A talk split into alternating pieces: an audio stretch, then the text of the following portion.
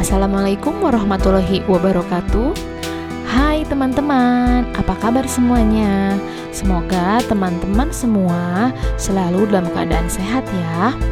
Nah, hari ini uh, kita akan belajar mengambil hikmah, pelajaran, atau nilai moral dari sebuah cerita. Bu Nebi akan membacakan sebuah cerita, disimak baik-baik ya. Kisah pohon tomat dan pohon mangga. Alkisah di suatu negeri tumbuhan, tinggallah pohon tomat dan pohon mangga. Mereka bersahabat dekat sejak kecil. Setelah mereka tumbuh, pohon tomat dan pohon mangga tidak bisa bermain bersama-sama lagi.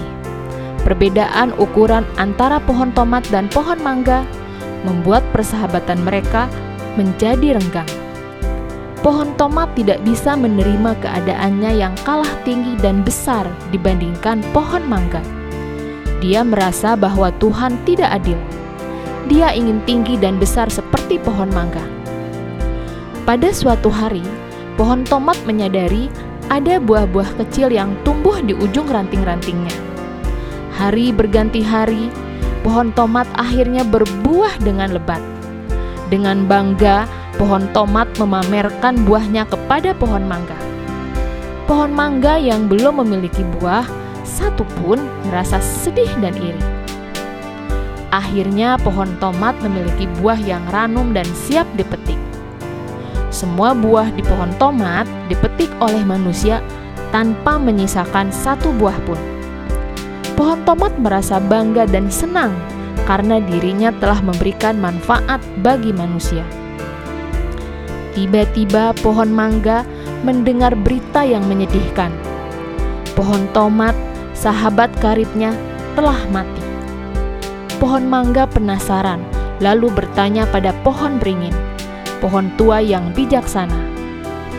Pohon tomat memang cepat menghasilkan buah, namun usianya hanya sampai dia berbuah.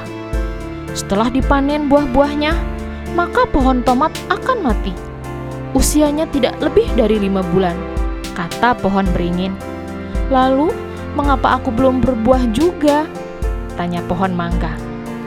Kamu baru dapat berbuah pada usia empat atau lima tahun.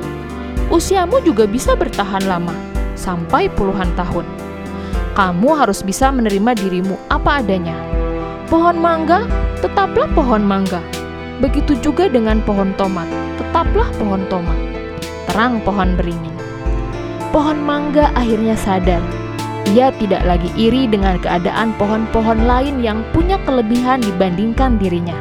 Setiap pohon punya kelebihan dan kekurangan masing-masing. Nah, kita harus bangga dengan keadaan diri kita apa adanya.